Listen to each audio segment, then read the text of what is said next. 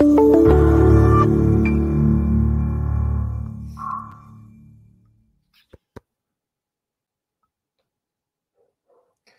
herkese iyi pazarlar. Bu sefer canlı olarak herkese iyi pazarlar diyorum. Çünkü e, bu hafta video çekmedik. Onun yerine e, olağanüstü bir e, dostumu ta- tanıştıracağım size. Eminim birçoğunuz tanıyorsunuz ama uzay deyince benim aklıma hep Üstün gelir. Üstün benim çok eski arkadaşım. Yani biz kaç yaşındaydık? Üstün 12 falan. 12 12. Evet evet 11 12 işte 40 yaşında. Evet. O böyle bir tane hatta e, bir fotoğrafımız var. Anıl şimdi koysun onu. Ee, evet yani 11-12 yaşlarında ilk defa Atatürk Anadolu Lisesi'nde e, beraber aynı sınıftaydık. Şu en arkada e, kulak işareti yapan e, koca kafalı benim. Üstünde hemen benim aşağıma doğru en altta e, bana göre solda duruyor. E, benim tarafımda yani. Ee, onun yanında da sevgili Mete var. Yani bu o, şey ne denir ona? Ee, dostluk çok uzun uzun yıllardan beri sürüyor. Bir kısa Amerikan Hastanesi'nde de beraber çalıştık ama çok uzun bir zaman değildi. Ee, ta o yıllardı zannedersem. Sen bu yıllarda merak sarmıştın değil mi Üstün? Evet evet aslında tam o yıllar olsa gerek 1976 yazında e, ilk defa ben o sırada Ankara'da Tarhan kitabı vardı Kızılay'da bilirsiniz hatırlarsınız. Ha evet evet tabii canım. E, bütün time, kitapları alırdık oradan. Tabii, tabii. Orada bir Time dergisi görmüştüm. Time'da tam da o sırada Mars yüzeyine inen Viking uzay araçlarından çekilmiş bir fotoğraf vardı. Onun da galiba resmi var. Anıl bir sonrakine geçsene. O fotoğrafı ben gördüğümde açıkçası e, resmen vuruldum. Yani şöyle vuruldum. İlk defa karşımda başka bir gezegenden çekilmiş ve gökyüzünün böyle turuncuvari olduğu bir fotoğraf var. Önünde dünyadan bazı artefaklar var. Dünyadan bazı semboller var. Ve çok etkilendim bu resimden. Dedim ki ben e, bu ve buna benzer diğer resimlere ulaşmam lazım. Ben dedim NASA'yı bir şekilde e, bulup onlara yazacağım. Hatta ve senin öyle bir ödev yapmıştın zannedersem. Ay'a yolculuk diye böyle bütün detaylarını sunduğun işte o yaşlardaydık. O fotoğrafta görüldüğü yaşlarda. Ama sonra e, şimdi e, başta hemen kısaca senden bahsedeyim. Üstün e, çok önemli radyologlarından biri Türkiye'nin Hacettepe Üniversitesi'nde radyoloji bölümünde öğretim üyesi profesör ve bir süre Amerika'da da çalıştı. E, bu onun e, aslında şeyi ne denir ona e, hobisi.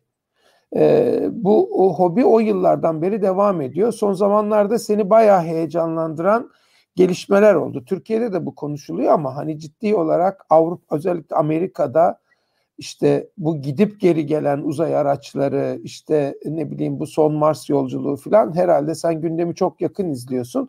Bir sonraki fotoğraf bu Curiosity değil mi? Bir önceki Mars'a giden e, şeyden çekilmiş bir dünya fotoğrafı var. Bir sonrakini. Burada bir şey evet, şey görünmüyor aslında. Bu, bu da tam gözükmüyor ama şu, şu resimde belki büyütüldüğü için gözüküyor. Bu, bu da beni çok etkileyen fotoğraflardandır yıllar sonra. Tabii sonradan işte NASA'yla yazışmaya başladım ve o işler ilerledi yıllar içinde. Bana bu arada ortaokul yıllarında çok büyük katkısı oldu. Anadolu Lisesi'nde, Ankara Atatürk Anadolu Lisesi'nde birlikte okurken İngilizcemin gelişmesine, mektuplaşma tekniklerini öğrenmeme çok çok katkısı oldu. Kendime böyle o sıralarda en ucuzundan harçlıklarımla bir e, bir daktilo almıştım. Bir Olivetti daktilo ve onunla yazışıyordum. Her hafta zannediyorum cumartesileri oturup böyle 6-7 tane, 8 tane falan mektup yazardım. Hatta hala hatırlıyorum. O sıralarda Amerika'ya posta masrafı, posta pulu 4 liraydı. Sonra, sonra 8 lira oldu. Sonra 20 lira oldu. Tabii benim bütçe sarsılmaya başladı ama çünkü her hafta o kadar mektup yazınca tabii bunların cevapları da geliyor bir süre sonra.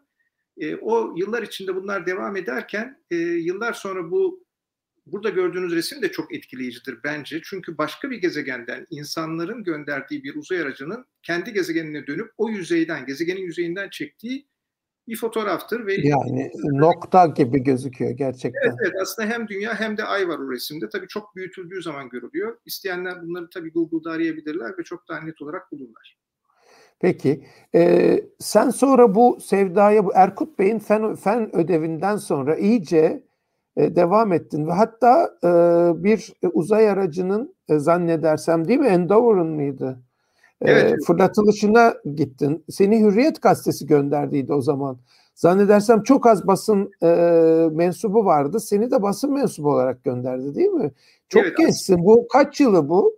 Sen e, e, radyolog muydun yoksa asistan falan mıydın? Ben asistanım. Yani bu resim çekildiğinde asistanım. Bu, bu aslında JPL'di. Şu andaki Mars'ı Mars'a giden uzay aracının da gönderildiği Jet Propulsion Laboratory vardır. Pasadena'da, Kaliforniya'da.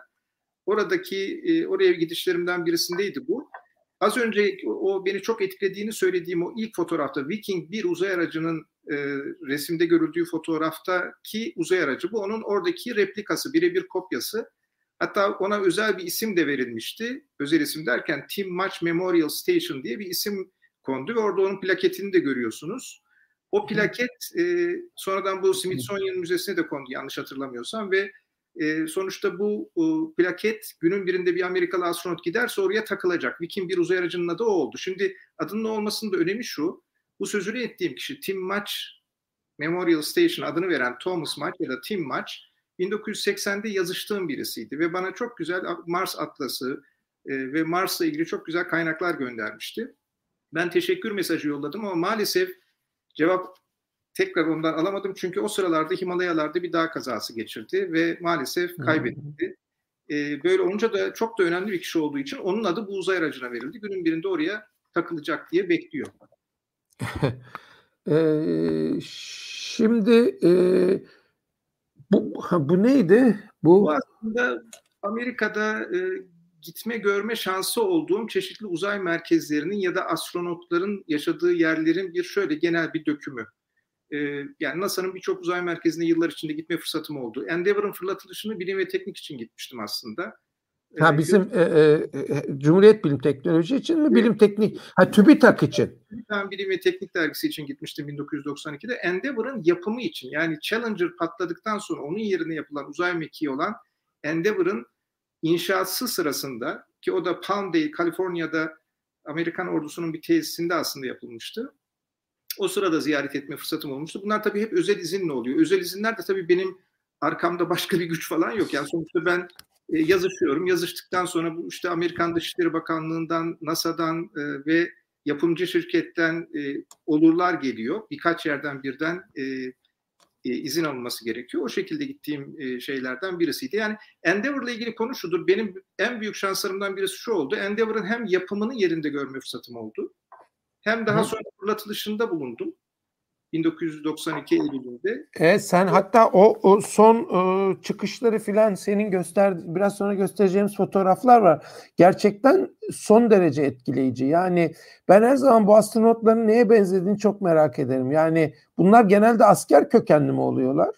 O yıllarda öyleydi. O yıllarda NASA'nın astronot seçimindeki kriterleri tutturabilenlerin daha büyük bölümü asker kökenliydi. Ama yıllar Şimdi? sonra çok büyük ölçüde aslında sivil şu anda. Yani çok sayıda asker var. Şu anda mesela yukarıda 7 kişi var e, uzay istasyonunda. Şu anda da dönüyorlar 90 dakikada bir. Onların içinde de zannediyorum 4 tanesi Amerikalı ya da evet 4 Amerikalı olsa gerek. Onlardan birisi mesela e, 130 gündür uzayda olanlardan birisi bir mikrobiyolog. Hmm.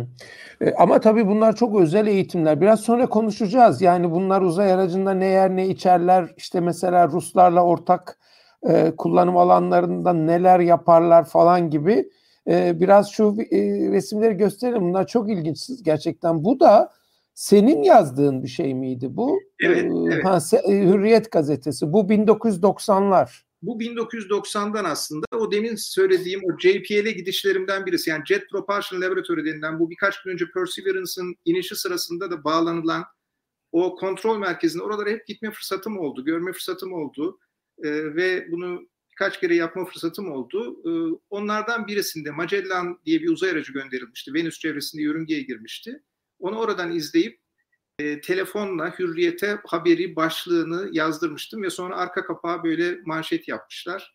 Telefonla derken tabii ben İstanbul merkezine haber veriyorum kısa bir arayarak sonra onlar beni arıyorlar. O yıllarda öyle biliyorsun o yıllar işte ateş bulunmuş, tekerlek bulunmuş ama daha CD'di, yok bilmem e, işte internetti onların falan çok olmadığı yıllar. E, bu arada şu kısa bir ara verip birkaç kişiye selam göndermek istiyorum izin verirsen. Birisi Tevfik. Tevfik Uyar. Tevfik Uyar Türkiye'nin belki tanıyorsundur iyi bilinen bilim kurgu yazarlarından biridir. Aynı zamanda aylak bilgiyi de şey yapıyor. Bilmiyorum belki podcast olarak bunu da yayınına alır web sitesinin. Ee, doğru demiyorsam düzelt beni Tevfik. Sonra Anadolu Sesi'nden çok sevgili yüzler Zülf, Zülfü'nün var. Ee, Alime merhaba diyelim. Ee, İlkay var bizim hatırlarsın. İlkay'a da merhaba diyelim. Bir sürü bir, bir, Can var Can Aydemir sana selam söylüyor. Tamam. Ee, onlara da bir merhaba diyelim. Devam edelim. Şimdi bu, bu fotoğraf da çok ilgimi çekti. Bu taraf bu teleskop değil mi sağdaki? Evet evet. Bu, bu Plüton'u keşfeden Clyde Tombaugh. Clyde Tombaugh'la e, bir bağlantım olmuştu ve onu Las Cruces'te New Mexico eyaletindeki evinde ziyarete gitmiştim. 1993 olsa gerek. E, o evinin arka bahçesindeki teleskopun başındayız orada. E, şimdi tabii Clyde Tombaugh'un şöyle bir özelliği var. Keşfedilen yani bir keşfedili kimin keşfettiğinin bilindiği sadece sonuçta aslında birkaç tane gezegen var. Uranüs, Neptün ve Plüton. Ondan öncekilerin hepsi anonim. Yani zaten Jüpiter'e kadar, Satürn'e kadar bunların hepsi insanlık e, mirası olarak bilinen şeyler. Ama üç gezegen hakikaten keşfedilmişti. Uranüs, Neptün ve Plüton. Plüton tabii sonra gezegenlikten çıkarıldı biliyorsun.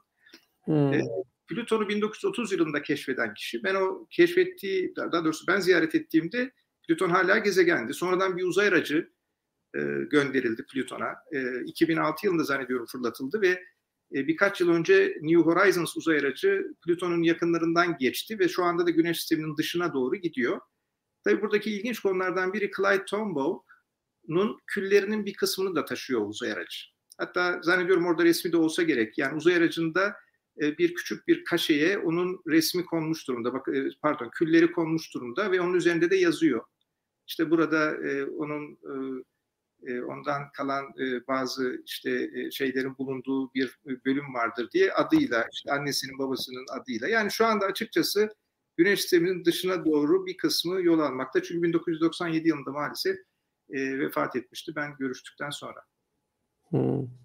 İlkay sana ne yazmış? Lisedeyken teleskobuyla kızlar yurdunu gözetlediğini sanırdık ama meğerse onun gözü daha yükseklerdeymiş diyor.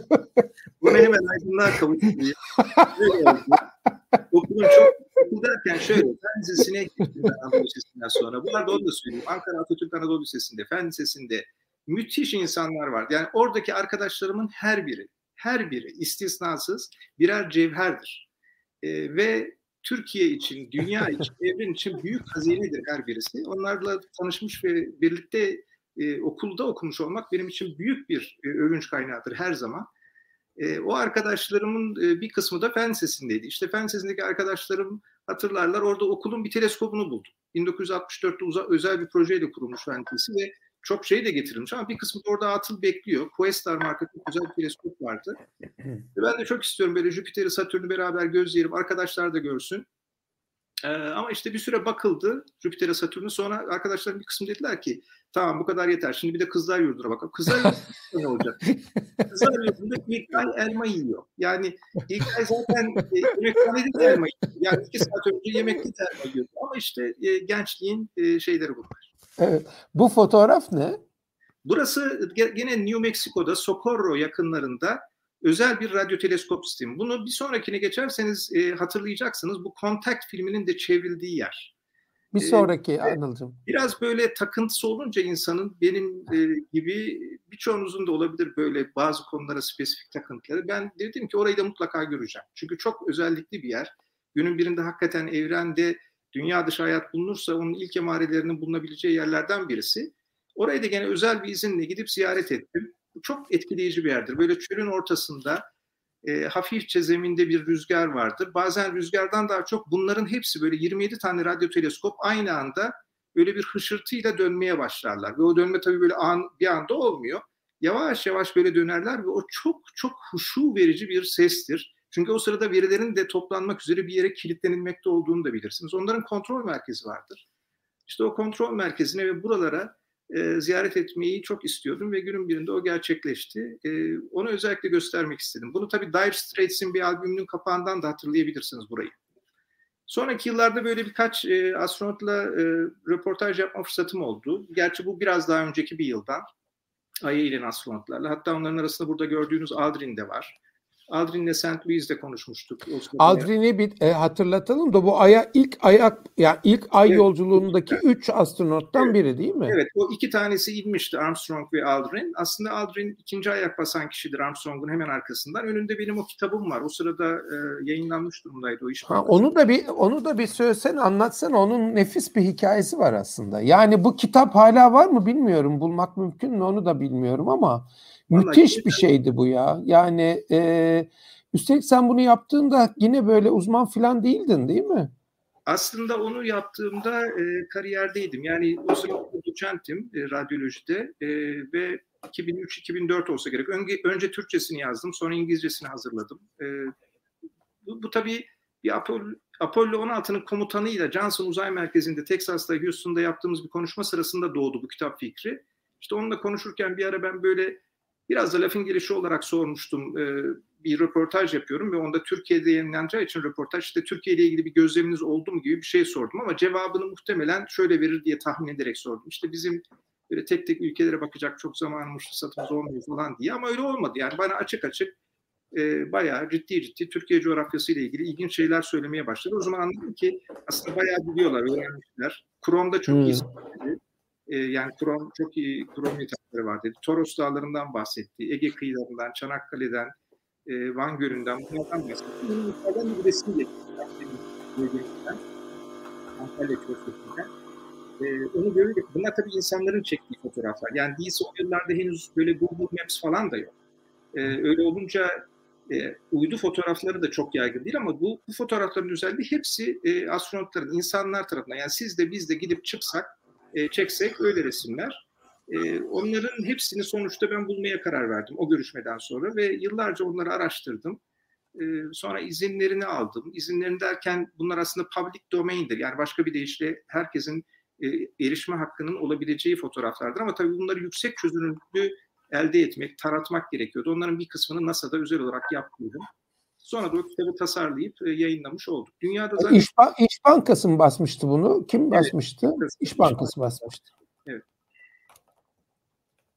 E, bu da e, önemli biri değil mi aslında? Bu Apollo 17'nin mi komutanıydı? Komutanı Gene Cernan bu. Aydan ayağını çeken son kişidir. E, Armstrong ilk ayak basan kişiydi ve 1972 aralığında aydan bu e, dönüşlerini yaparken yakın bir zamanda tekrar döneceklerini zannediyorlardı ama pek de öyle olmadı. Biliyorsunuz ondan sonra gidilmedi tekrar. İşte şimdi 2024'te belki e, gitme olasılıkları var.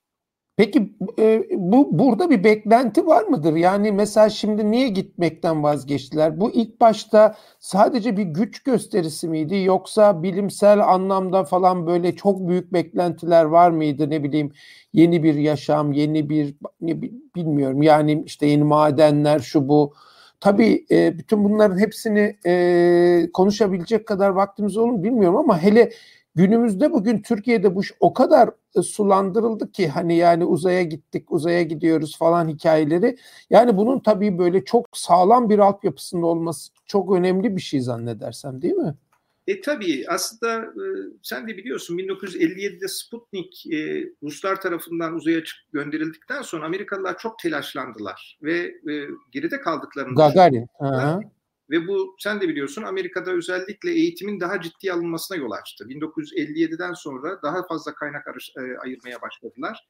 Ve ondan sonra da özellikle bu o sırada Soğuk Savaş'ın sıcak dönemleri diyelim, e, yüksek dönemlerinden birisi olduğu için kendi e, müttefiklerini kaybetmemek adına ve e, yeni müttefikler elde edebilmek adına ve kendi güvenlikleri açısından da sonuçta büyük ölçüde bir e, stratejik bir karar olarak verdiler Apollo'yu. Değilse gidelim de ayı keşfedelim öncelikli bir niyet değildi.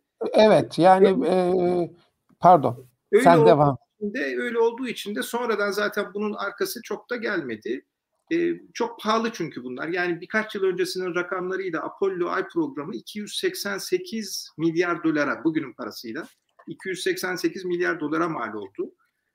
Şimdi bir de şeyden bahsedelim mi yeri gelmişken hani bu mesela Amerika'da NASA'nın yıllık bütçesi nedir? Yani hani bütün bu işleri biz işte uzaya gittik, aya gittikleri falan konuşurken yani gerçekçi olup da neredeyiz anlamak açısından soruyorum. E, şöyle NASA'nın bütçesi bu sıralarda 25 milyar dolar civarında. 25 milyar dolar yıllık bütçe. Tabii bunu Amerikan bütçesi içinde değerlendirmek lazım. Onların yıllık bütçesi yaklaşık 5 trilyon dolardır. Yani yaklaşık yüzde yarımı kadar NASA'nın evet. bütçesi. Ama şunu da hatırlamak lazım. Bakın bir süre önce Birleşik Arap Emirlikleri Mars çevresinde yörüngeye araç koydu. Koydu derken onu da doğru dürüst yerli yerine koymak adına söylüyorum. Japonlar fırlattı. Amerika'da Amerikalılar yap.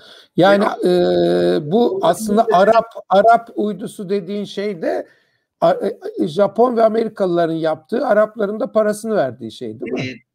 Tamamen öyle dersek haksızlık şöyle etmiş oluruz. Gene de böyle bir vizyonları var ve bu aslında buna kaynak ayırdılar. Orada bir e, uzay merkezleri var e, emirliklerde. Bun, bunlar çok önemli e, şeylerdir ve o program mesela 200 milyon dolara mal oldu. E, hmm. Yani bir perspektif. Ha, yani. Hmm.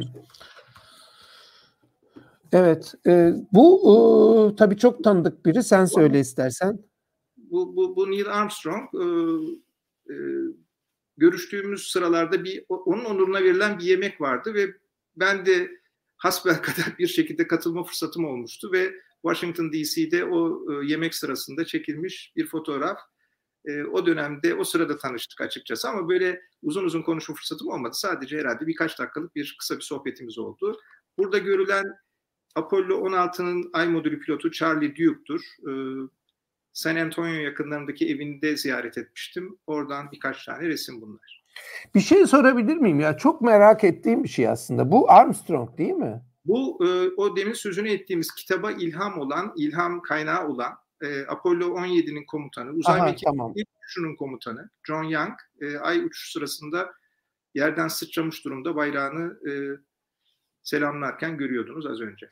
Ee, bir şey e, soracağım. Yani bu mesela e, ilk defa bunu yapan Armstrong nasıl bir adamdır? Yani o anda ne hissetti? Sen bunları sordun mu? Yani orada e, işte ne bileyim bak hani e, o anda herhalde daha öncelikli aya da geldim gibi mi hissediyordu? Bu da oldu bir an önce döneyim mi? Ne hisseder yani bir insan çok merak ediyorum aslında. Neye benzer bu adamlar? Ne bileyim ben yani hani böyle bir şeyi göze almak, yapmak feci e, zor bir işmiş gibi geliyor bana hep.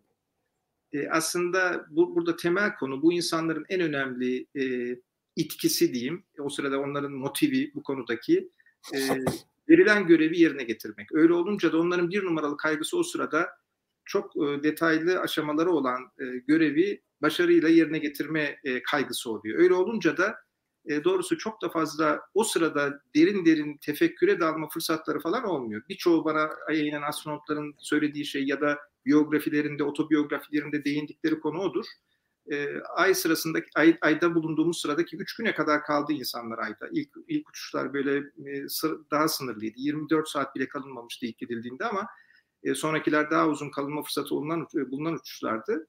E, o kadar yoğun işler var ki yapılması gereken zaman zaman işte yukarıda dünyayı gördüklerini ve o sırada bile uzun uzun pek bir şeyleri düşünme fırsatlarının olmadığını söylemişlerdi. Yani hani e, benim için küçük insanlık için büyük adım ben tarihe geçtim ne büyük adamım gibi şeyler hissetmiyorlardı demek ki. O sırada değil en azından. Evet. Evet. Sonrasında da ama böyle hiç çok göz önünde olmadılar bunların hiçbiri. Öyle değil mi? E, aslında bazıları oldukça popüler oldu. Mesela Aldrin çok e, demin de konuştuğumuz, üzerinde konuştuğumuz Aldrin çok e, medyatik bir insandır. Ama şey öyle değildi. E, Armstrong, Armstrong öyle değildi. Evet. Çok, o hatta bayağı içine kapandı falan. Hatta şöyle şeyler de söylerler. Bilmiyorum bunlar ne kadar doğrudur sen benden daha iyi biliyorsun da. E, Armstrong Ay'a gittikten sonra böyle e, çok dine döndü. Dünyevi hayattan ilgisini kesti gibi filan. Sen de duymuşsundur bu tür şeyler çok konuşuldu yazıldı aslında aslında o şekilde etkilerimi olan birkaç kişi oldu. Onlardan birisi Armstrong değildi onu söyleyeyim. E, ama öyle olanlar oldu. Birkaç kişi bu şekilde e, yönelimlere e, olduğunu bildiğim kişiler var. E, ama onlar da açıkçası böyle dünyadan tamamen ellerini eteklerini çekmek şeklinde değil.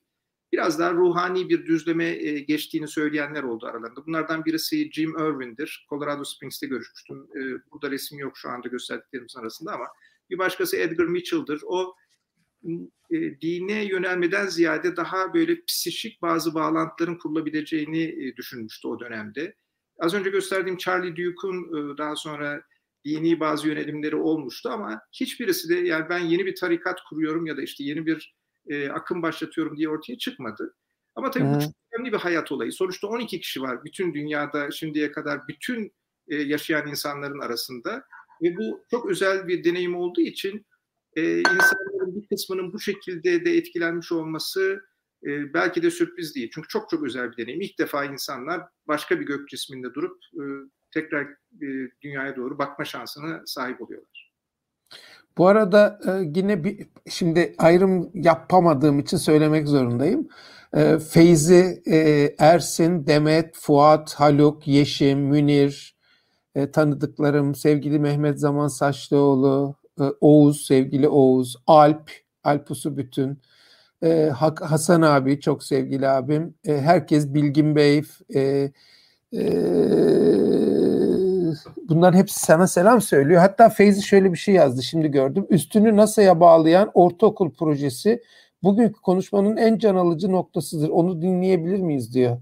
Kısaca bence de bu aslında gerçekten bizim e, bilmiyorum Feyzi o zaman ne düşünür de bizim hepimiz bir proje yapmak zorundaydık fen dersinde ve e, hepimiz işte bir takım kaldıraçlar, indirgeçler bilmem ne filan bir takım bir şeyler üzerinde uğraşırken sen tamamen böyle bir dosya teslim etmiştin ve hatta şöyle de düşünmüştük üstün e, bu işin kolayına mı kaçtı falan diye.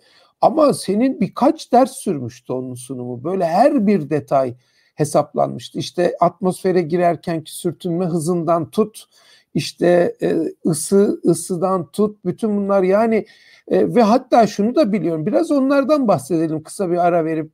E, senin e, NASA'yla da bir zaman flörtün oldu aslında. Yani bu meslek seçimi sırasında filan. E, sonra onları göze alamadın ya da e, koşullar mı buna izin vermedi. Sonra bir e, vazgeçtin aslında. Biraz bahsetsen ne kadar güzel olur aslında. Belki birkaç cümleyle bahsedebilirim. Öncelikle bütün dostlara hepsine ayrı ayrı çok selamlar, sevgiler ve saygılar. Ee, çok güzel onların burada varlığını görebilmek. evet. Sağ olsunlar. Ee, Feyzi'nin, sevgili Feyzi'nin e, e, onunla tanışıklığımız biraz daha öncesine de gidiyor. Konya dosyasına kadar gidiyor. E, Fevzi çok özel bir adamdı hepimiz için. Neler yaptı. Yani, her biri ayrı gururumuz olan arkadaşlarımızdan biridir aynı zamanda. Kesinlikle, Demin kesinlikle. Arkadaşlarımızın her biri, bütün arkadaşlarımızın hepsi istisnasız e, Türkiye'nin, ülkemizin yetiştirdiği çok seçkin, nadide e, insanlardır. Hepsiyle evet. birlikte olmaktan da ben çok gurur duydum. E, Bast Boston'a ve Feyzi'ye selam söylüyoruz evet. buradan Türkiye'de. Orada bir şey var. Tabii o dönemde e, Türkiye'deki eğitimin kalitesi e, hiç az değildi. Bence çok da yüksekti. Hatta evet. belki günümüzde karşılaştırılacak olursa daha iyiydi bile diyebiliriz. Deminki şeylerden çıkaracağımız konulardan biri bence şu. E, uzay programı oluşturmak tabii ki iyi bir fikir ama bunun e, çok iyi bir altyapısının olması da gerekiyor. Eğitime çok önem vermek gerekiyor. Bizim çok iyi eğitim kuruluşlarımız vardı, gene var. E, bundan sonra da olacak. Özellikle yüksek eğitimde de çok köklü olmalı. Hı hı. ODTÜ gibi, Boğaziçi Üniversitesi gibi, e, İTÜ gibi ya da özel e, e, üniversitelerimiz gibi çok önde gelen, çok iyi e, eğitim veren dünya çapında okullarımız var. Ve bunların beslenip, desteklenip daha iyi noktalara getirilmesi gerekiyor. E, açıkçası bizim o dönemde aldığımız eğitimde böyle fen ödevi veren öğretmenlerimiz de vardı. Benim de o dönemdeki şanslarımdan birisi işte NASA ile yazışmakta olmamdı. E, tabii şimdiki kadar böyle kaynağın olduğu bir dönem değildi. Ben açıkçası zihnimdeki bazı soruları sorduğum Viking projesinin proje bilim adamı diye geçen, Amerika'da öyle bir kavram vardır. Project Scientist diye geçen Conway Snyder vardır. Ona ve onun ekibine sorduğum bazı sorular vardı. Çok detaylı bir cevap geldi bana. Hatta o cevabın içinde şu da vardı. Ben dedim ki kaç kişi gidebilir? E, 7, 7 ya da e, 7, 7 gibi, 9 gibi, 5 gibi bir tek sayıda olması planlanıyor dediler. Ve onun sebebini de yazmışlardı. Çekimsel kalma hakkı olmadan karar vermeniz gerekiyor uzay uçuşu sırasında. Çünkü bakın Mars'a giderken Mars'a şu anda e, Perseverance'da olan haberleşmede 11 dakika sürüyor zannediyorum. Bir yönde gidiş. Yani e, radyo dalgaları biliyorsunuz ışık hızıyla gider o kadar uzakta ki Mars. Yaklaşık 200 milyon kilometre ötede şu anda. Yani buradan bir merhaba deseniz orada orada elde edilmesi o e, e sizin gönderdiğinizde 11 dakika sonra oluyor. Şimdi böyle olunca çok otonom, kendine e, yeterli bir sistemle göndermeniz gerekiyor ve bazı redundan yani birden fazla olan e, şeyleri de ayarlamanız gerekiyor uzay uçuşunun parçası olarak ve uzay aracının parçası olarak. Buna rağmen zaman zaman kritik kararlar almak gerekebilir. İşte o kritik kararlarda eşitlik olmasın diye. Çekimsellik diyor. Yani sebeplerinden birisi bu diye e, yazdıklarını hatırlıyorum. Tabii işte o dönemde e, Mars haritasını ben özellikle US Geological Survey'den getirtmiştim. E, ve onun üzerinde çalışıyorum. Evde bir Mars atlası vardı. Yani dünya atlası olarak elimizde Faik Sabri Duran'ın o hepiniz de zamanında bulunmuş. O tür atlası vardı. Bundan çok daha iyisi, daha doğrusu iyisi derken çok daha e, işte ciltli ve kapsamlı bir halde Mars için e, evde hazırdı. Mars'ın, Venüs'ün, Merkür'ün işte bunların e, çeşitli haritalarını o dönemde ve atlaslarını e, Mars e, başta olmak üzere NASA'dan e, göndermişlerdi. E, açıkçası bu gençlikteki çeşitli merakların ve tutkuların e, özellikle daha yapıcı olanlarının desteklenmesi gerekiyor ve ben, ben çok şanslı bir insanım. Yani hayatım boyunca hep iyi insanlarla karşılaştım. Türkiye'nin çok iyi bir döneminde çok iyi bir eğitim alma fırsatım oldu. Ve e, hiçbir zaman öyle maddi olarak ciddi evet.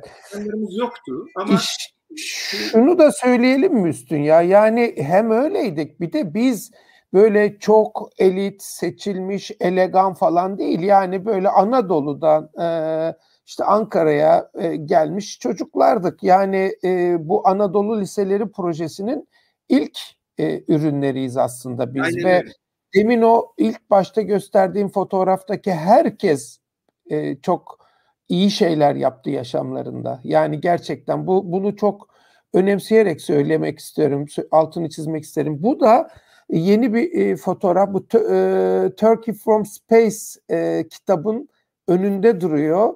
Evet evet. Ee, bu aslında o demin sözünü ettiğimiz bu ilhamı veren astronot John Young çok çok yüksek nitelikli bir astronottu. O dönemde uzaya en çok çıkmış kişiydi ben görüştüğümde. 6 kere gitmişti ve uzay mekiğinin ilk uçuşunun da komutanıydı.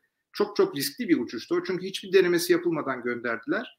E, ve o o görüşmede benim gördüğüm fotoğraf buydu. Akdeniz, e, Antalya Körfezi'nin ve Göller Yöresi'nin bu resmi. Ben bu resmi görünce, bu resme de tabii vuruldum. Zaten insan kendi ülkesini görünce... E, Çok güzel ama ya gerçekten. Evet. evet. Keşke o kitaba ulaşma şansı olabilse en azından online. O dönemde 3-4 baskı yapıldı ama ondan sonra bir şekilde durdu arkası ama... E, online da mı yok? Yani mesela on, belki online e, olsa ne güzel olur. Bunu yapmak çok da bir iş değil aslında. Evet bu pek net değil ama sen olduğun anlaşılıyor fotoğraftan. Evet evet. Bu 1990'da Ağustos ayında e, uzay mekiği Endeavour yapılırken Palmdale'deki e, I-42, I-42 diye bir fabrikaları vardır. Bu, bu tip e, araçların yapıldığı bir tesisi. E, or, oraya dediğim o özel izine gitmiştim. Bana dediler ki iki tane şartımız var bu gezi sırasında. Onlardan birisi dediler e, sandalet giymeyeceksiniz ayağınızda.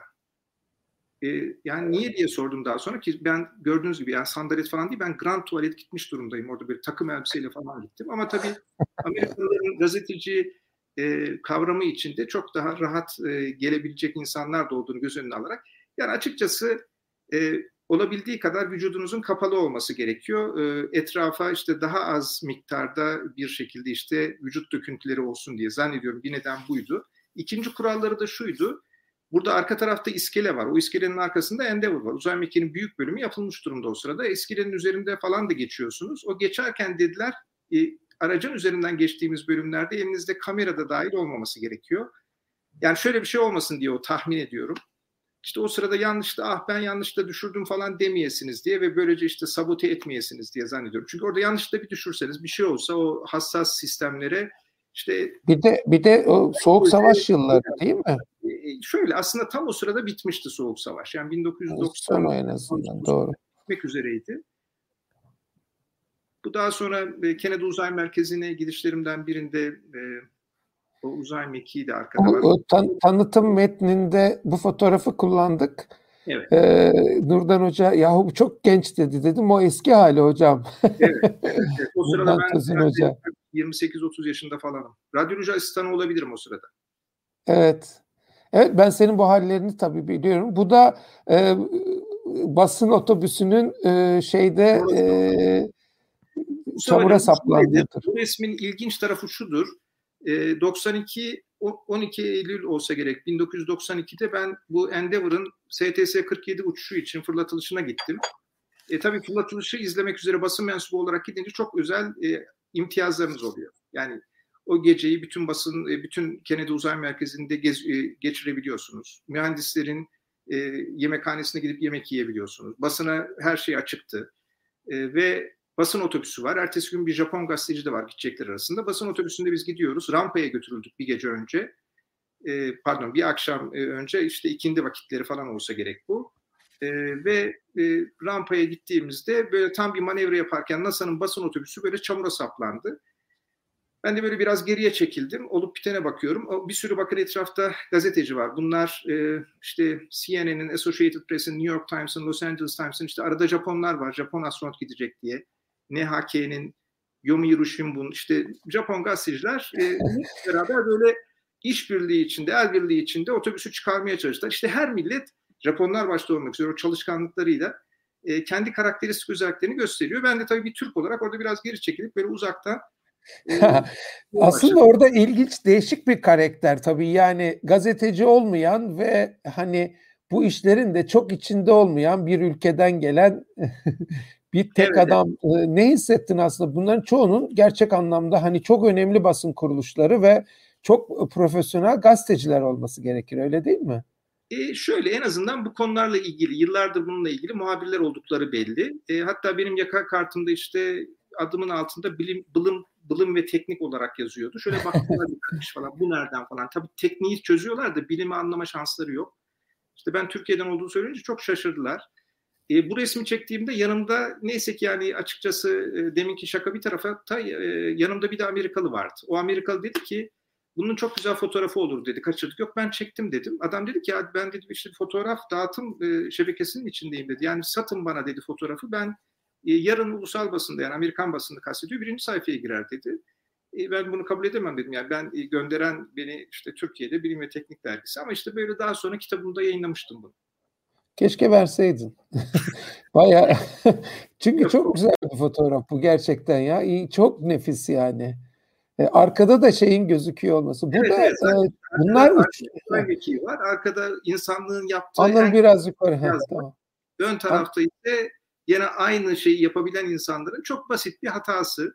E, bu aslında hatalardan hiç de böyle münezzeh olmadığımız yani hatalara ne kadar yatkın olduğumuzu da gösteren bir şey. Biliyorsunuz iki evet. uzay mekiği kaybedildi. Yani Amerikalılar 14 evet. kişi sonuçta e, uçuş sırasında kaybetmek durumunda kaldılar.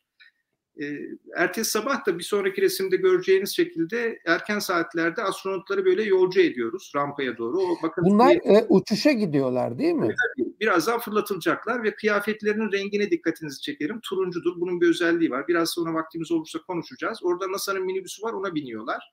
Hakikaten de en önde bir polis arabası. Arkada bir böyle NASA minibüsü bu minibüs.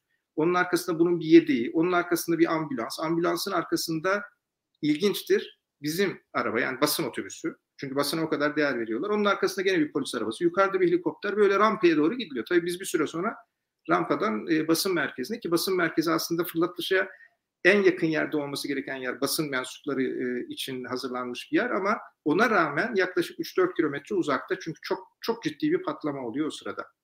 Bu resmin özelliği şu, demin gördüğünüz gibi bakın e, sağda turuncu renkli e, elbiseleri görüyorsunuz. Solda ise Challenger e, ekibi gidiyor fırlatılmaya. Ve Challenger ekibi biliyorsunuz kaybedilmişti 1986'da Ocak ayının sonlarında. E, ve ekibin üzerindeki kıyafetler bakın mavi. İşte ondan sonra Amerikalılar karar verdiler. Dediler ki yani bir şekilde ekip düşer de okyanusta bir şekilde bulma şansımız olursa bizim okyanus rengiyle kontrast oluşturması gereken bir şekilde e, kıyafet kullanmamız gerekiyor. Ondan sonra turuncuya geçildi ama Sağda gördüğünüz bu sefer turuncu kıyafetli ekipte maalesef bu sefer de 2003'teki kazada, Kolombiya kazasında e, maalesef kaybedildi. Onlar da dünyaya dönerken bu sefer kaybedildiler. Hmm. Yani biraz şuna örnek olsun diye aslında görmüş oluyoruz. Ne yaparsanız yapın e, yine de işin içinde çok yüksek riskler var ve maalesef çok e, ciddi bazı hatalar da olabilir. İşte yani o, ve çok yürekli insanlara da ihtiyaç var gerçekten. Yani bunların çok özel insanlar olduğunu düşünüyorum ben. Ama görüntüsü de çoktur. Yani eminim şu anda izleyenlerin arasında da birçok kişi vardır ki yani ben yarın gönderselere giderim diyecek olan diye düşünüyorum. Bu arada Erbul Keskin 0440'da yazmış. Benim asistanım izin, iz, e, izninde Endover'ın fır, fır, fırlatılışına gitse dönüşünde onu sınavsız uzman yapardım diyor. Ama sen sınava girdin tabii. Sağ olsun. E, evet, devam edelim istersen. Ee, Anıl devam edebilir miyiz? Resim. Mesela burada gördüğünüz gibi resimler böyle bir resim e, insanlar tarafından çekilmiyor. E, ancak ve ancak e, işte özel robotik e, kameralarla çekilen çünkü bu, bu kadar yakında insan falan yok fırlatış sırasında. Hmm. Bir sonraki resimde göreceğiniz şekilde biz basın merkezinden böyle görüyoruz. Yani rampa nereden baksanız bir 3 kilometre falan uzakta. Burada sistem e, yani uzay mekiği havalanmış durumda. Tabii önce uzakta o patlamayı görüyorsunuz ama sesi ya da bir blast etkisini falan hissetmiyorsunuz. Çünkü o daha sonra geliyor. Ses e, daha sonra geliyor ve gerçekten o etkileyici. Böyle birdenbire yerinizden e, hareket etmiyorsunuz. O kadar olmuyor ama yine de böyle şu sternum dediğiniz kemikte hafif bir titreme hissediyorsunuz. O blast olarak çarptığı zaman size. Bu kalkıştan zannediyorum bir 20-24 saniye sonra falandır. İlginç olarak bir sonrakinde de göreceğiniz şekilde bakın kalktıktan biraz sonraki o okun gösterdiği şey o ilk e, yörüngeyi gösteriyor. Daha doğrusu fırlatıldıktan sonra 9 dakika içinde o okun ucuna falan gelindiği sıralarda biraz daha sonra aslında o işte yaklaşık İngiltere üzerinde falan e, yörüngeye oturmuş oluyor. Ve e, burada ilginç olan şey şu, fırlatıldıktan 23-24 saniye sonra oradaydı, o gördüğünüz haldeydi. 23 e, e, saniye sonra orada olan şey 28 dakika sonra Giresun üzerinden Türkiye hava sahasına girdi. Yani uzay sahasına demek belki daha doğru. Çünkü çok yüksek bir hıza ulaşıyor. Siz de aslında herhangi bir kişi e, saatte yaklaşık... Ne kadar ne kadar dedin? Kaç dakika sonra? Şöyle 28 dakika sonra Florida'dan fırlatıldıktan 28 dakika sonra Giresun üzerindeydi. E, 28. dakikada girdi Türkiye uzay sahasına. 29,5. dakikada da Hakkari üzerinden e, Türkiye uzay sahasını terk etti. Kaç dakikada bir geliyor Türkiye'nin üstüne? 90 dakikada bir ama tabii Türkiye üzerine gelmiyor her defasında. Çünkü aşağıda tabii. dünyada döndüğü için Türkiye üzerinden e, zaman zaman oluyor. Yarın sabah mesela saat 6 civarında Ankara'nın ve İstanbul'un üzerinden uzay istasyonu geçecek. Hem de bayağı güzel görülecek bir şekilde geçecek. E, meraklısı bakabilir yarın e, sabah tabii o vakitte kalkmayı da göze alarak. Bu da ilginç bir şey. Bu, bu özellikle resimdeki şey şu. Bütün fırlatılışlar uzay mekiği olsun, diğer e, araçlar olsun, uzaya göndereceğiz bir şeyi fırlatmaya kalktıysanız hep doğuya doğru fırlatırsınız. Tabii çok özel bir yörüngeye yerleştirmeyecekseniz. Yani bu da kutupsal bir yörüngedir. Özellikle casus uydularını o şekilde yerleştirmek istersiniz. Ama onun dışında batıya doğru bir fırlatma yapmak çok verimsizdir. Doğuya doğru fırlatmanız beklenir. Çünkü dünyanın dönüşünden yardım alırsınız. Dünyanın hmm. de çünkü bir hızı vardır. Bulunduğumuz yerde de şu anda biz belli bir hızda savrulmaktayız ve ilginç olarak bu fırlatılıştaki bir parametre de şudur. Uzay merkezinin yerinin seçimi açısından ne kadar ekvatora yakınsanız dünyanın dönüş hızı da o kadar fazladır. Yani bu size ilginç gelebilir. Nasıl yani? Dünya her yerde aynı hızda dönmüyor mu? Aynı hızda dönmüyor. Ekvatorda daha hızlı dönüyor dünya. Çünkü daha fazla bir yolu aynı sürede gene 24 saatte kat etmesi gerekiyor. Kutuplarda çok daha yavaş dönüyor açıkçası. Böyle olunca ekvatorda daha hızlı olduğu için siz eğer Brezilya gibi bir yerdeyseniz ya da Avrupa Uzay Ajansı'nın işte Guyana'daki merkez gibi bir yerden fırlatma yapıyorsanız bayağı ciddi yakıt tasarrufu yapabiliyorsunuz. Tabii bu konuda Ruslar daha zor durumda. Kazakistan'da Baykonur Kozmodromu'ndan gönderiyorlar. Onlar bayağı e, yukarıdan göndermiş oluyorlar. Bu o bakımdan e, ilginçtir. Onu göstermek istedim. Yani doğuya doğru yapılıyor fırlatılışlar ve e, ne kadar ekvatora yakınsanız o kadar. Yani Türkiye'nin hakikaten günün birinde Türkiye dışında bir uzay merkezi ile yapacağı bir iş olacaksa o da gene muhtemelen gene Türkiye'den daha güneydeki enlemlerden birinde olacaktır ekvatora kadar ki ya da ekvator çevresinde olacaktır. Ama birçok ülke var. Türkiye bandından da fırlatılış yapabiliyorlar. Hı hı. Dünya çevresindeki alçak yörünge dediğimiz e, şu ana kadarki uçuşların tamama yakınının gerçekleştirildiği ay uçuşları dışındaki yörünge böyle. Yaklaşık olarak işte bir 400 kilometre kadar. Uzay istasyonu da şu anda 400 kilometre kadar yüksekte. Ve demin de konuştuk her 90 dakikada bir döndüğü için 24 saatte bir, 24 e, saatte daha doğrusu 16 kere güneş doğuyor, 16 kere güneş batıyor astronotlar için ya da kozmonotlar ya da taykonotlar için. Tabii bunun anlamı da diurnal ritim dediğimiz o e, günlük biyolojik e, yapımızın bizim içimizdeki e, etkileri ve döngüsü bayağı alt üst oluyor. Eğer siz e, güneşe göre ayarlayacak olursanız. Onun için tabii güneşe göre e, güneşin oradaki doğuş ve batışına göre değil de İşte Amerikalılar Houston'ı kullanıyorlar. E, Ruslar e, Moskova saatini kullanıyorlar. Ve buna göre bir e, düzenleme yapılıyor. E, diurnal ritim dediğimiz, sirkadyen ritim dediğimiz o günlük insan e, biyolojik ritmini bozmayacak e, şekilde. E, uzaya gidildiği zaman insan vücudunu siz nötral olarak bırakırsanız yani mesela uykuları sırasında eğer bir yere bağlı falan değillerse vücudun aldığı pozisyon ilginç bir pozisyon. İşte burada gördüğünüz gibi. Yani gerçekten insanın kolları şöyle önünde toplanıyor. Kafa hafif öne doğru iniyor. E, bir sonrakinde bunun çizimleri de var. O çizimlerde göreceksiniz. Hepsinin hesaplamaları yapılmış. Yani uzaydaki nötral postürün nasıl olduğu işte böyle. Yani dizlerin e, dizlerin hafif bükülü olması, kolların hafif bükülü olması, omuzların, başın. Yani kendinizi bırakacak olsanız e, bu şekilde oluyorsunuz. Tabii böyle uzayda mizampli yapmak gibi varyeteler zaman zaman astronotların eğlenmek için yaptıkları bir şey. Ya da işte bir sonrakinde olduğu gibi böyle bu şekilde durabilmek de mümkün. Ee, ha, bu havada mı duruyor şimdi? Nasıl evet, duruyor bu anlamadım. Uzay istasyonunda zannediyorum ya da uzay mikroçlarından birisine çekilmiş. Birisi e, bu dünya e, yörüngede e, e, bu uçaklarla belirli bir uçuş rot, e, hareketiyle bir, çok kısa süreli yerçekimsiz ortamlar yaratarak çalışıyorlar değil mi? Öyle bir şey duymuştum. Evet, o özellikle uzun süreli uçuşlarda gerekecek bir şey. Tabii bugün fizyolojiye çok giremedik ama çok ilginç fizyolojik değişiklikler oluyor. Onlardan birkaçından bahsetmek zorundayım. Önce Yo, bahsedelim, vaktimiz var aslında. Onlardan önce şu resmi aradan çıkarmak açısından demin gördüğünüz tamam. gibi resimler e, gelmeye başlayınca uzay istasyonundan zaman zaman Amerikalılar e, yerden dediler ki uzaydaki ekiplerine yani resimlerin bazıları bayağı böyle işte matrak oluyor. Biraz da sulu oluyor. Açıkçası bir de ciddi bir resim istiyoruz dediler. Onun üzerine işte bu resmi gönderdiler astronotlar. Ee, bunlar şöyle bir kere uzaya çıkıldığında daha doğrusu uzaya çıkmayla kastettiğimiz şey şu. Dünya çevresinde yörüngeye oturtulduğunda bir araç ki 9-10 dakika kadar sürüyor. 9-10 dakika sonra yer çekimsiz dediğimiz, mikro yer çekim dediğimiz ortama ulaştığınız zaman vücudunuzda çok temel bazı değişiklikler oluyor. Onlardan birisi İlginçtir bu ama bir yandan da çok da mantıklı.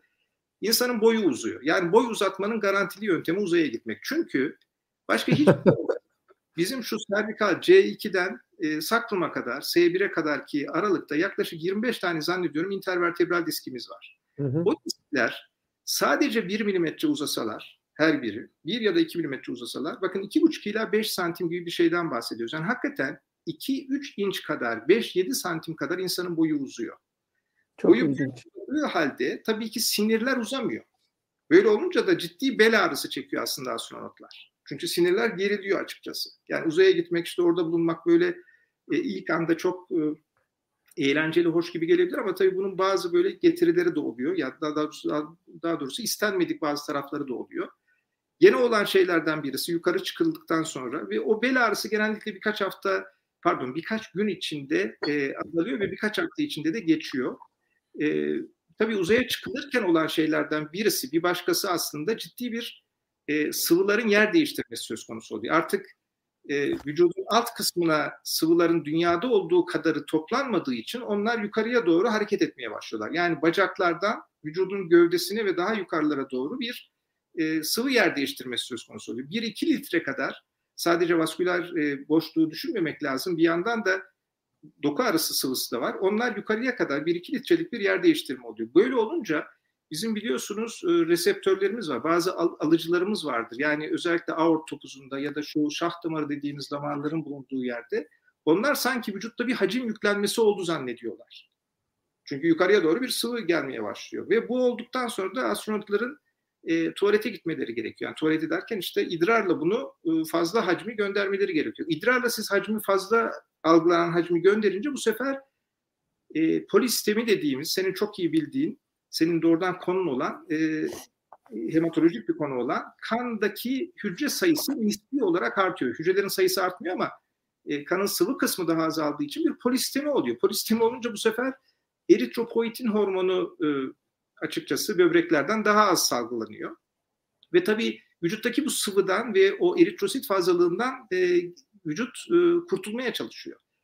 Tabii böyle bir şey olurken bir yandan da bir süre sonra e, dünyaya dönüş sırasında o atmosferik kuvvetlerle tekrar o yer çekimi kuvvetlerine tekrar maruz kalacağı için o sıvı yerine konmadan inmeye kalkılırsa ciddi ciddi e, astronotlar, hmm. e, pilotlar bayılabilir. Yani bayıldıktan sonra da tabii kontrolsüz kalabilir e, araçlar.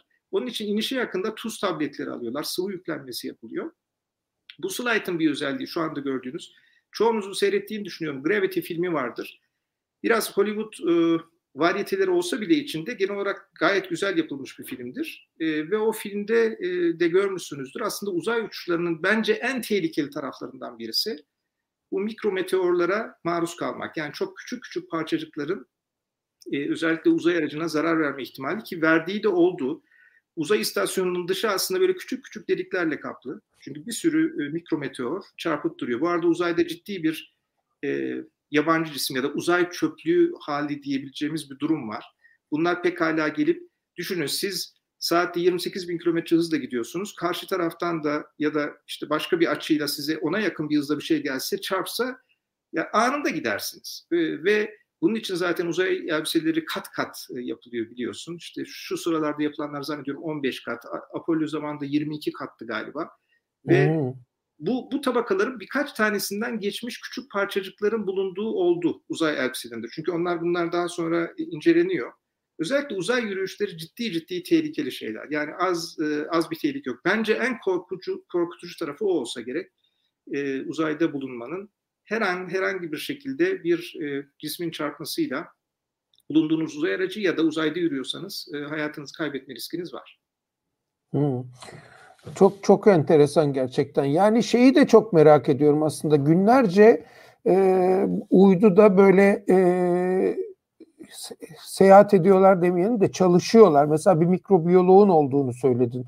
Evet. E, ne kadarlık bir ne kadar metrekarelik bir alan burası? Aslında şöyle şu anda uzay istasyonu büyük bir e, uçak kadar yani büyük uçak derken çift koridorlu bir uçak kadar düşünebilirsiniz şu andaki. Ama tabii o ilk gittikleri dönemde bunlar çok çok çok, çok daha, daha küçüktü.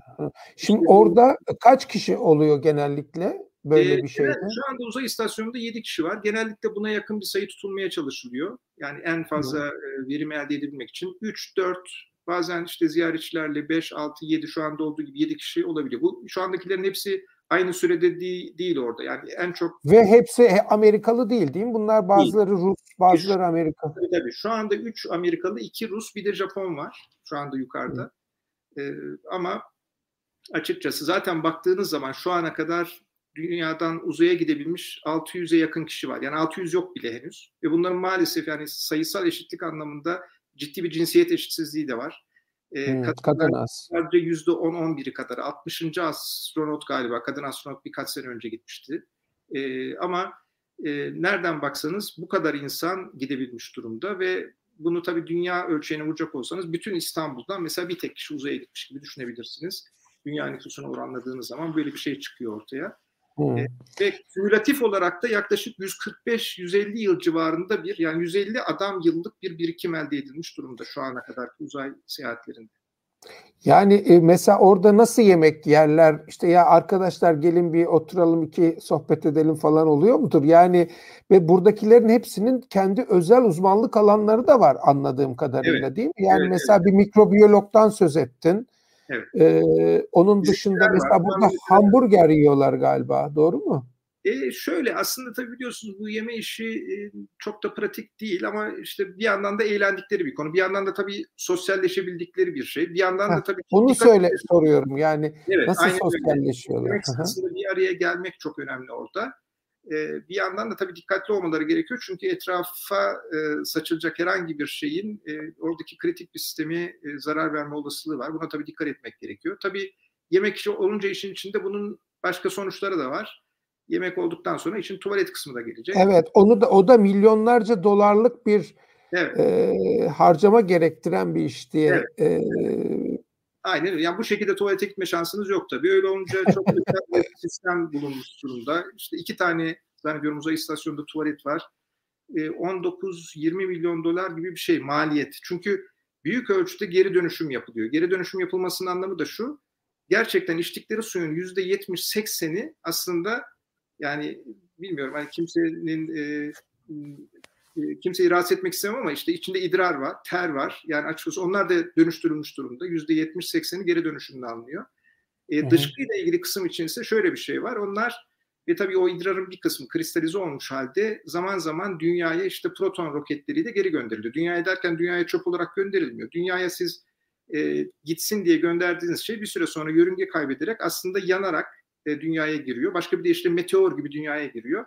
Yani başka bir deyişle zaman zaman bizim gördüğümüz o yıldız kaydı dediğimiz şeylerin bir kısmı aslında astronotların atıklarını da içeriyor. Onun için derim ki bundan sonra hani yıldız kaydı diye dilek tutarken bir kere daha düşünün. tamam. E, bu arada Met... Bu, bu deminki resimde şöyle bir ilginç bir şey var. Ee, aslında süremiz doldu zannediyorum ama... Yok yok hayır hayır biraz daha devam edebiliriz. Öyle, bu, bu resim Bilmiyorum. Mesela... Din, izleyenlere soralım. Birazcık daha devam edebiliriz sanırım uzay mekiğinin tuvaleti bu. Uzay istasyonunun değil. Uzay mekiğinin tuvaleti. Bunun tabii ilginç kısmı şu. Sağda gördükleriniz ise tuvalet eğitimi e, bölgesi. Yani nerede? Johnson Uzay Merkezi'nde astronotların tuvalet eğitimi aldığı şey. Çoğunuz düşünebilir. Yani tuvalet eğitimi iki yaşta bitmiyor muydu diye. Bitmiyor. Astronot olursanız baştan bunun eğitimini almanız gerekiyor. O sağda gördüğünüz e, tuvaletin deliğinin altında bir kamera var ve aydınlatılıyor ve astronotlar dünyada ona deliği denk getirme egzersizleri yapıyorlar. Çünkü bunu yukarıda kullanacaklar. Tuvalet eğitim dediğim şey de bu. Evet. Evet devam edelim mesajı geldi. Üzgünüm senin adına. E, ben üzgün değilim ama şöyle bir şey var. Yani sonuçta senin kanalın istediğin zaman... Yok yok hayır ben, ben, ben yani böyle bir fırsatı kaçırmak istemem. Ee, bu arada Mete bir laf bir şey söyledi. Biz sana teşekkür ediyoruz Acıbadem Maslak Hastanesi olarak. Mete senin sayende doktor olmuş orada kadın doğumculuk yapıyor. Mete e, 0449'da Hacettepe Tıp Fakültesini senin notlarınla bitirdiğini itiraf ediyor. Ee, e, Mete adına, e, bizim hastane adına ve e, hastaları adına sana teşekkür ediyoruz. Benim için onur, onur. O sıralar bir onur. Evet, geçen gün e, kulaklarınızı çınlattık bayağı. Neyse. Evet devam edelim. Bu demin gördüğümüz o sıvı yüklenmesinin aslında bir e, gösterimi. O aort topuzunda ve nasıl o şah damarı dediğimiz karotislerdeki reseptörlerin bir hacim yüklenmesi algıladığını. Astronotların birçoğunun ya da kozmonotların ya da taykonotların uzayda çekilden fotoğrafları böyle tam yanak alasınız tarzında amanın deyip de böyle ne güzel tombulca gözüküyormuş gibi resimlerdir. Çünkü o hacim yüklenmesiyle vücutta yukarıya doğru sıvılar yer değiştirince kırışıklıklar da kaybolur. Yani doğal botoks gibi bir şey oluyor. Böyle yukarıya doğru gelince onun için yüzleri gözleri biraz şişiyor uzay uçuş sırasında. Bu ona bir örnek. Yani normalde bu astronotun aslında kırışıklıkları var ama uzayda böyle olmuyor tabii. Hı. Ee, evet bu uzay tutması kavramı var. Yani uzay hastalığı ya da işte e, açıkçası taşıt tutması vardır ya buna da uzay tutması deniliyor. Çünkü biliyorsunuz e, bizim e, özellikle dengemizi sağlayan bir sonraki görüntüde göreceğiniz birkaç sistemimiz vardır. Biz açıkçası dünyada e, normal şartlarda yaşarken tabii dünyada normal şartlar derken hemen aklıma gel kadar geldiği için söylemeden geçemeyeceğim. Biz uzaya gidelim diye evrilmiş bir canlı değiliz. Biz aslında tarım devri, devrim yapsın diye evrilmiş bir canlı da değiliz. Biz tarım devriminden beri vücudumuzda birçok şeyi değiştirmiş olduk çeşitli zorluklarını yaşıyoruz. Bulaşıcı hastalıklar dahil, diyabet dahil. Uzaya gitmek için ise hiç vücudumuz aslında normalde uygun değil. Çünkü biz işte dünyanın yer çekimine uygun bir şekilde milyonlarca yıl içinde evrilmiş bir varlığız. Böyle olunca e, bizim bazı sistemlerimiz var dünyada dengeyi sağlayabilmek için. Zaten o bir sonraki görüntüde onlar var. Yani biz dünyada dengemizi sağlamak için gözlerimizi kullanıyoruz. Bir. İki biliyorsunuz iç kulak e, daha doğrusu orta kulaktan o kemiklerin aktardığı iç kulakta e, proses edilen süreçten geçilen veriler var. O iç kulakta küçük kristaller var. O kristaller de hep dünyada belli bir e, yer çekimine göre aslında yapıyorlar ne yapıyorlarsa.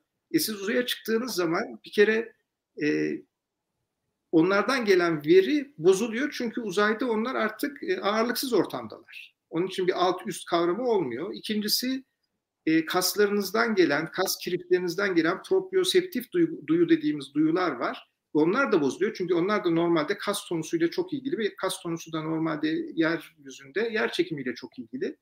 O iki sistemi siz devre dışı bırakmış gibi oluyorsunuz uzaya giderek. Üçüncüye kalıyorsunuz gözleriniz. Ancak gözlerinizle işte o dengeyi sağlamaya çalışıyorsunuz ki bunlardan da birbiriyle çelişen veriler geliyor ve kafa açıkçası allak bullak oluyor. Büyük ölçüde o uzay tutması denilen şey bundan oluyor.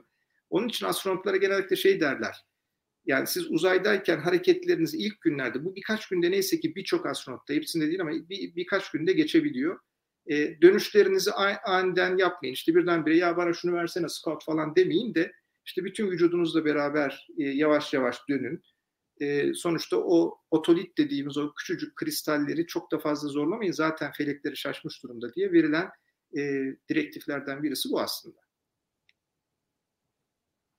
E, çok çok çok ilginç. E, devam edelim istersen. Bu e, görmekle ilgili e, tabii ki özellikle kas atrofisi e, zamanla gelişiyor. Çünkü e, uzayda bulunduğunuz zaman aslında o yer çekiminin kaslara verdiği bir tonus vardır. Onu kaybetmiş oluyorsunuz e, ve e, bu ciddi ciddi etkiliyor. Tabii kalp de bir kas. Kalp de sonuçta atrofiye gidiyor. E, son yıllar Yani o mesela öyle kalp yetmezliği benzeri e, ne bileyim bu işte hani herkes tıpçı değil burada bizi izleyen ama bu ejeksiyon fraksiyonunun azalması falan gibi böyle ciddi problemlerle karşılaşılabiliyor mu orada? Bu karşılaşma riski var. Onunla karşılaşılmasın diye daha çok başlardan beri uzun süreli uçuşların hepsinde hep bir egzersiz rejimi kondu işin içine. Böyle olunca da ciddi ciddi böyle bir rahatsızlıkla karşılaşılmadı. Ama şu oldu. Ay yüzeyindeyken insanlar kendilerini çok zorladılar o görevin amaçlarını yerine getireceğiz diye ve benim görüştüğüm astronotlardan birisi Jim Irwin, Colorado Springs'te yaşıyordu. E, hipokamiye e, girdi açıkçası ay yüzeyinde çok fazla efor sarf ettiği için, çok terlediği için e, potasyum e, kaybına yol, e, uğradı ve o döneme tarihlenen e, kalp sorunları başladı aydan döndükten sonra. E, beş kere kalp krizi geçirdi yanlış hatırlamıyorsam. Altıncıda maalesef e, kaybedildi. Ama değilse uzayda bulunurken uzun sürede bulunuşlar sırasında zaten bunun başka türlü önlemleri o egzersizlerle hep sağlanmaya çalışılıyor. Bu tabii o sırada elektrolit dengesi için filan bu replasman tedavileri işte bütün bunların hepsi dengeleniyor zannedersem. Bu yani göründüğünden çok ama çok daha zor bir iş. Özellikle bunun tıbbi tarafının setup'ı. Yani evet. e, bu, bunun için böyle bir uzay hekimliği diye demin Var. bir genç e, arkadaşımız yazdı aslında uzay hekimi olmak isteyen bir tıp öğrencisi. Ee, evet Mustafa Ünal sayılır. Yani böyle bir ihtisas dalı mı var ya da ne bileyim ben yani bu herhalde çok sayıda hekim yoktur değil mi bu işle ilgilenen? Evet sınırlı sayıda ama sonuçta gerçekten çok önemli, çok değerli bir konu bu. bu çok konu, önemli. Çalışıldığı dünyada birkaç yer var. E, demin aslında bir, bir noktada onu söyleyecektim. E, Türkiye'nin de belki uzay programını şekillendirirken yapacağı şeylerden birisi ortaklıklar kurmak. Onlardan birisi de Avrupa ile, Avrupa Uzay Ajansı'yla. E, ve Avrupa Uzay Ajansı'nın ciddi deneyimi oluştu yıllar içinde bu astronotları da e, uzaya gittiği için. Onların da mesela böyle merkezleri var. Özellikle biyotıp anlamında, daha doğrusu uzay tıbbı anlamında da e, çalışmalar yapılan e, ve e, pekala onlarda da bu eğitim e, görülebilir. Türkiye'de daha sınırlı bir şekilde buna yönelmiş olan e, birkaç yer var. Birisi zannediyorum Eskişehir'de olabilir. E, ama e, dünyada da takip edilebilecek yerler. Şimdi e, aslında tam da yeri gelmişken sorayım biraz uzattık ama Güssüm Kara da e, birkaç kere de daha önce sordu. Türkiye bu uzay e, araştırmalarında gerçekten objektif olarak şu anda nerede? Yani biz neleri yaptık şimdiye kadar iyi yaptık, neleri yapmalıyız? nelerde eksiz bunları bir e, yani bildiğin kadarıyla tabii sonuçta e, izleyenleri de şöyle bir şeyi hatırlatmak lazım. E, üstün bir e, radyoloji profesörü sonuç olarak ve özellikle kemik konusunda herhalde Türkiye'de e, en iyilerden bir tanesidir. E, bu e, bir hobi aslında şu anda. Yani biz üstünün hobisini konuşuyoruz. Üstün e, radyo şey bir uzay tıpçısı değil. E, aslında ama bu bir e, tabii şeyden ne denir ona bir hobiden öteye geçmiş bir şey. O çok net gözüküyor. Yine de belki bu soruya cevap verebilirsin. Yani Türkiye ne durumda? Bu bizim için gerçekçi mi bu hedef? Yani Türkiye bunu başarabilir mi? Bunun ekonomik boyutu, birikimi ki ben başarabileceğini düşünüyorum aslında. E, ne de, ne dersin bu konuda? İzlemişsinizdir. Yıllar önce bir film vardı. Woody Allen'ın oynadığı. E, bir yerde şeyi söylüyorlar, soruyorlar. İşte Savaş ve Barış e, romanından bahsediliyor. Diyorlar ki işte Savaş ve Barış işte roman, romanı bir anlat diyorlar. O da sadece şu cümleyi söyleyebiliyor. İşte olay Rusya'da geçiyor diyor.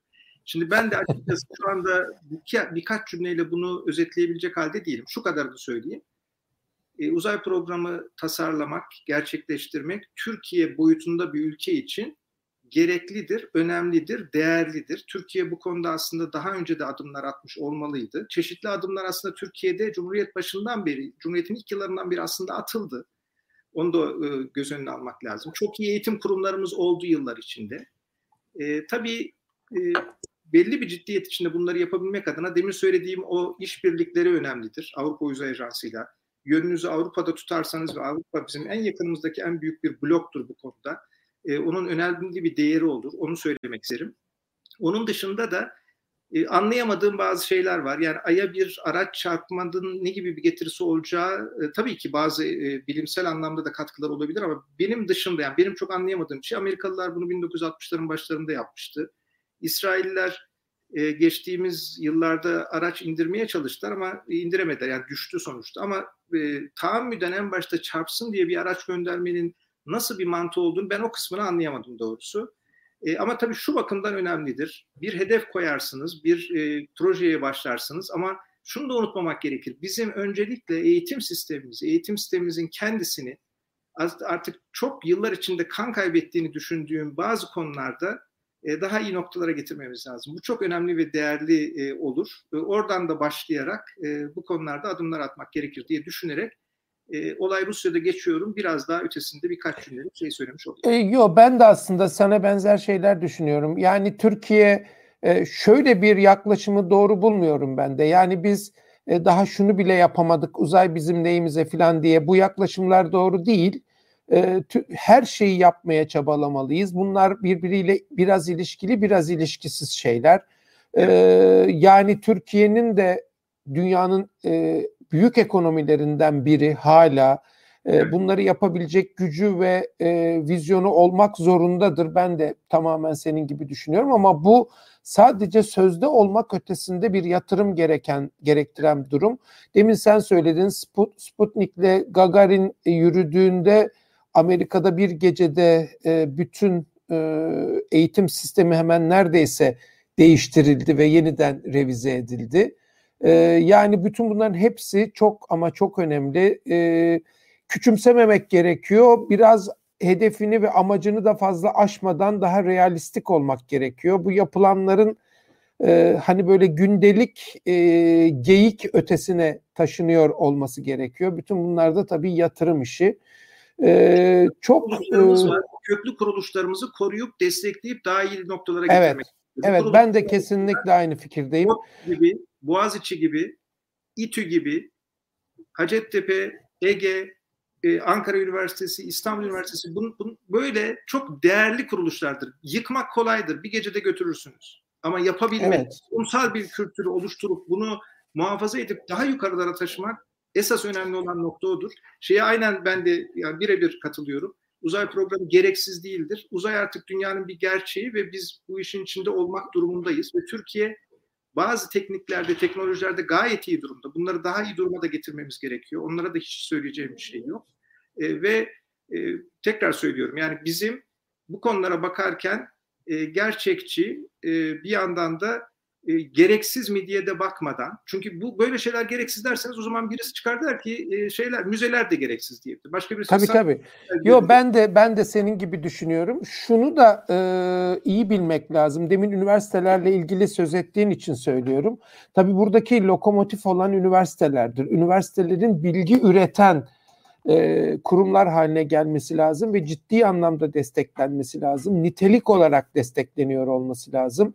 E, demin e, sen söyleyince aklıma geldi. Tam e, kelimesi kelimesine söyleyemeyebilirim ama e, işte Süleymaniye'yi yapmak yıkmak için iki ırgat yeterlidir ama yapmak için bir Sinan bir Süleyman lazımdır diye bir söz vardır. Yani bu çok çok önemli bir şey. Bunu cidden de e, dikkate almak zorundayız. Dediğin gibi yap, yıkmak çok kolay, e, karalamak, kötülemek çok kolay ama köklü kurumlara da çok fazla dokunmamak gerekiyor. Ancak öyle e, bir yolculuk olabilir. Demin sen de söyledin yani e, bizler e, birçok kişi bizim kuşağımızdan hiçbirimiz saraylarda büyümedik ama bu Türkiye için bir sürü şeyi çok gönülden yaptık. Yani senin yaptığın inanılmaz bir şey. Yani bilmiyorum çok sayıda izleyen oldu. Gerçekten herkese çok teşekkür ediyorum bu söyleşiyi. E, herkes şu mesajı almıştır. Bu iş bir tutku işi. Hatta seninle daha önceki konuşmalarımızda da hatırlıyorsun. Yani insanın en e, ihtiyaç duyduğu şeydir. Yani tutku, çalışma e, ve e, kararlılık. Yani bunların mutlaka olması ve bunların mutlaka insanlara verilmesi gerekiyor, aktarılması gerekiyor. E, ve e, bundan sonraki genç insanlar için de e, her şeyin o kadar kolay ve cepte olmadığı bilerek e, savaşmak gerekiyor. Liyakat çok önemli. Bütün bunları sağlayabilmek için e, bir sürü şeyi tekrar ve tekrar tartışarak düzeltmemiz gerekir. E, Hakan Seçkin'den e, çok sevgili Hakan'dan, Abdullah'tan o kadar çok geldi ki aradan birilerini e, yani unutmuş olabilirim Demet'ten. Herkese çok teşekkür ediyorum. Alim'den, e, sevgili Ayla Gökçe'den benim öğrencim. Çok sevgili Tülay abladan, Tülay Tecimer'den. Hepinize çok ama çok teşekkür edelim. Ee, gerçekten ayrılmak çok zor sevgili Ercan'dan, sevgili Enis Özyar'dan. Ee, bir gün bekleriz. Çok tanıdık yüz göreceksin bizim ekibin içinde de. Ee, sevgili Münir'den herkese çok çok teşekkür ediyorum. Sen, senin de bitirelim isterim. Ee, ama bunları ve bunun gibileri yine yapmayı çok istiyorum. Yine seninle e, yapabilmeyi çok isterim. Yeşim'in ismini gördüm sevgili Yeşim Özden'in. Ee, herkese çok çok kucak dolusu teşekkürler. Bu tür yayınları ayda bir kere yapacağız. Yapacağım yani. Her seferinde üstün olmayabilir ama sık sık üstün olursa da hiç itiraz etmem. Koray'dan yine e, üstün e, Koray'dan bir şey öneri gelmiş. Bunu alalım mı? E, bir dakika. Sevgili Koray Boduroğlu e, ona da bir koca selam verelim. Onu da özledik bu arada. Ortaokulda NASA'ya yazdığın mektuplara devam edip Türkiye Uzay Ajansı'na bir yep, mektup yazmayı düşünür müsün diye öneriler. Yani bir e, uzay severin ötesine taşımaya çalışıyor in, dinleyenler seni ne dersin? Çok çok teşekkür ederim ben de bütün katılanlara. Ee, ben de bundan sonra Mustafa'nın programlarının izleyicisi olarak aranızda tabii ki olacağım. Birkaç noktayı sadece söyleyerek bitirmeme izin verirsen Mustafa gerçekten demin Tabii tabii tabii elbette. Hayal kurmak çok önemli yani. Hayal hayalperestlikle hayalcilikle e, gerçek dışı olmak aynı şey değil. Hayal gücünüz olacak. Merak çok önemli. Bizi insan yapan çok önemli bir şey merak. E, tabii ki tutku önemli. Ama bütün bunların yanında bir yandan da çok çalışmak gerekiyor. Gerçekten çok çalışmak evet. ve demin söylediğim şeyler olduğu zaman onlar için çalışmak sadece ve sadece büyük bir zevk haline geliyor. Ben mesleğimi seviyorum. Radyolog olmayı da çok seviyorum ve zaman zaman onu düşünüyorum. Yani çok sevdiğim bir işi yapıyorum. Bir de üstüne her ayın 15'inde para veriyorlar diye şaşırdığım da oluyor. Bir getirmek lazım hayat böyle daha da değerli bir hale geliyor. Ben de tamamen senin gibi düşünüyorum. Çok güzel şeyler söyledin. Bu arada Tevfik Uyar ben e, Açık Bilim aynı zamanda Tevfik'in yönettiği e, site. Onun podcast kanalından e, dinleyebilirsiniz dedi. Evet benim videolarımı sağ olsun Tevfik Açık Bilim'de de yazıyor. Açık Bilim'in podcast'inde de e, dinleyebileceğinizi söyleyeyim. E, ve kapatalım. Ayrılmak çok kolay olmuyor ama e, kapatalım. Çok teşekkür ediyorum herkese. Perisa'ya da görüyorum. Mesude Ersan, çok sevgili Mesude. Hürriyet gazetesinden bildiğim zaman şimdi çok daha iyi işler yapıyor e, Türkiye'de sağlık alanında. Herkese kucak dolusu teşekkürler. Benim ben e, kapatam kapatmakta zorlanacağım. O yüzden burada kesiyorum. Üstün çok teşekkür ediyorum. Herkese iyi pazarlar diliyorum. E, ayda bir bunları yapacağız. E, bundan sonra sizi e, bir gezginle tanıştıracağım eğer mümkün olursa. Çok sevgili bir dostumla. Şimdi ismini söylemeyeyim ama e, Himalayalara motosikletle çıkmış bir e, dostumla e, dünya yukarıdan nasıl gözüküyor bize onu anlatacak. E, çok çok teşekkür ediyorum. Herkese iyi pazarlar diliyorum. Hoşçakalın. İyi pazarlar. Thank you.